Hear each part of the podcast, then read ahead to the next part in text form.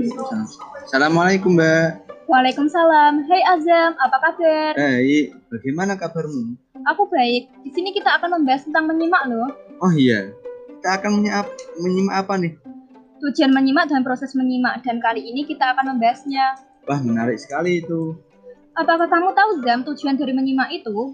Oh sedikit, sedikit tahu, yaitu tujuan menyimak orang adalah sesuatu yang beraneka ragam pada dasarnya. Menyimak itu dapat kita pandang dari berbagai segi. Misalnya, segi sarana, sebagai suatu keterampilan berkomunikasi, segi, segi seni, segi proses, segi suatu responsi, dan sebagai pengalaman kreatif.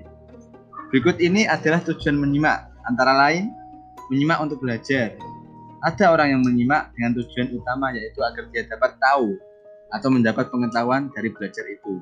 Yang kedua, menyimak untuk menikmati. Tujuan menyimak ini adalah bisa diuntukkan untuk orang yang mencari hiburan seperti menikmati musik, podcast, dan sebagainya. Yang ketiga, menyimak untuk mengev mengevaluasi. Ada orang yang menyimak dengan maksud agar dia dapat menilai sesuatu yang dia simak itu baik apa buruk indah atau jelek, tepat atau ngawur, dan sebagainya. Yang keempat, menyimak untuk mengapresiasi. Ada orang yang menyimak agar dia dapat menikmati serta menghargai sesuatu yang disimaknya. Misalnya, pembicaraan cerita, pembacaan puisi, lagu, dialog, dan diskusi. Yang kelima, menyimak untuk mengomunikasikan ide-ide. Ada orang yang menyimak dengan maksud agar dia dapat mengomunikasikan ide-idenya dan gagasan gagasan ataupun perasaan-perasaan mereka. Yang keenam, menyimak untuk membedakan bunyi-bunyi. Ada pula orang yang menyimak dengan maksud dan tujuan agar dia dapat membedakan bunyi-bunyi dengan tepat. Yang ketujuh, menyimak untuk memecahkan masalah.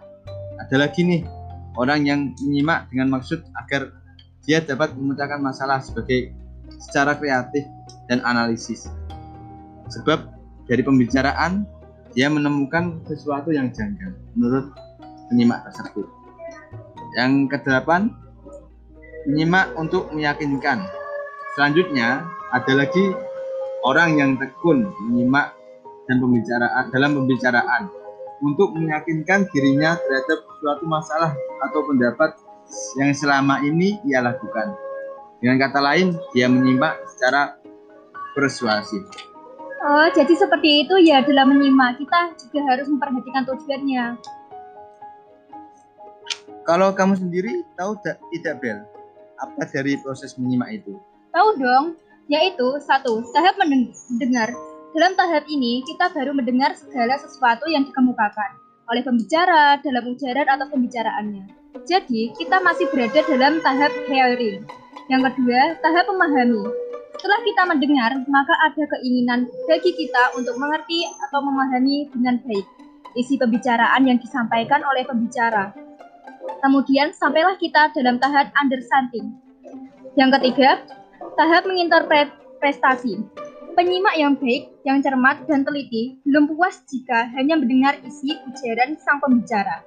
Dia ingin menafsirkan atau menginterpretasikan isi butir-butir pendapat yang terdapat dan tersirat dalam ujaran itu. Dengan demikian, sang penyimak telah tiba pada tahap interpreting. Yang keempat, tahap mengevaluasi.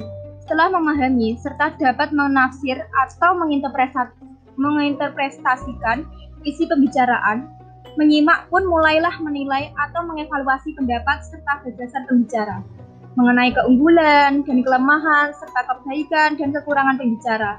Dengan demikian, sudah sampai pada tahap evaluating. Yang kelima, tahap menanggapi. Tahap ini merupakan tahap terakhir dalam kegiatan menyimak.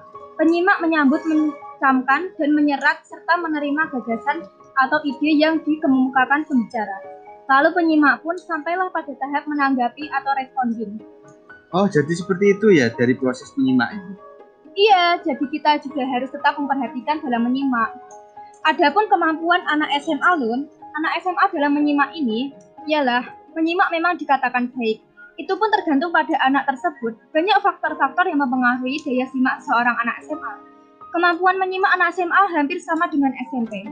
Tetapi perbedaannya terdapat pada tingkat kedewasaannya.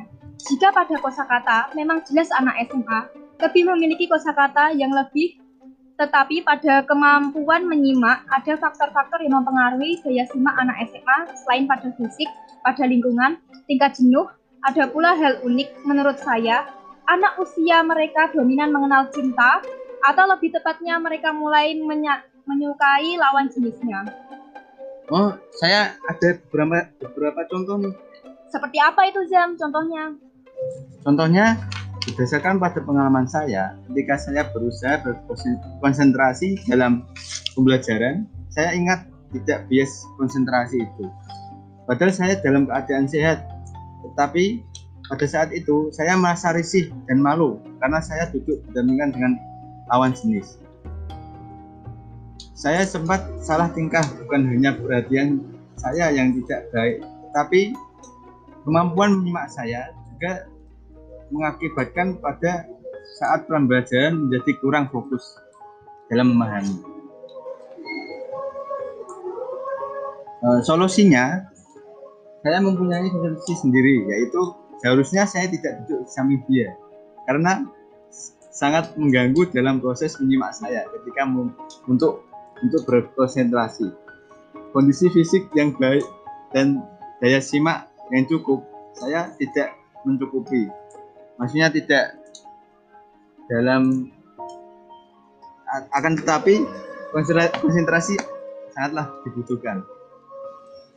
Mungkin seperti itu, Mbak. Oh, aku pun juga punya contoh loh. Contohku yaitu saya mengamati anak SMA di sebuah yayasan. Mereka menyimak sebuah pertunjukan di mana pertunjukan tersebut akan menampilkan perwakilan masing-masing dari perempuan dan laki-laki. Pada saat itu, saya duduk di area perempuan. Ketika yang tampil perwakilan dari perempuan, sorak dan tepuk tangan mereka biasa saja. Tapi ketika penampilan bagian laki-laki, mereka bertepuk tangan dengan bersuara dengan keras. Jelas terlihat sangat lucu. Tetapi itulah kejadian yang saya temukan. Saya bertanya pada seorang perempuan tentang pertunjukan tadi. Apa yang didapatkan dari penampilan perwakilan dari perempuan? Dia hanya menjawab bagus dan kreatif. Tapi ketika saya bertanya bagaimana pertunjukan laki-laki, apa yang dia dapat ternyata responnya lebih baik Bahkan dia mengungkapkan alasan tanpa saya minta keterangannya, dominan kaum perempuan kurang menyimak pada pertunjukan temannya sendiri dibanding laki-laki. Solusinya Terus apa solusinya, Mbak? Uh, solusinya sih uh, ketika mereka menginjak SMA, apa yang kita sampaikan pada usia anak SMA sebisa mungkin mampu menarik perhatian mereka agar tetap terfokus pada pengajaran ataupun apa yang mereka simak nantinya. Itu dia uh, kita harus memperhatikan uh, simakan baik itu pelajaran ataupun dalam kehidupan sosialisasi agar kita mampu mengerti dan apa yang dimaksud dengan lawan simak kita. Wah banyak sekali ya yang kita bahas hal ini. Ya, oh ya kita sudah sampai sejauh ini ya. Kurang lebihnya mohon maaf ya. Ya ya ya. Sampai jumpa lagi. Wassalamualaikum warahmatullahi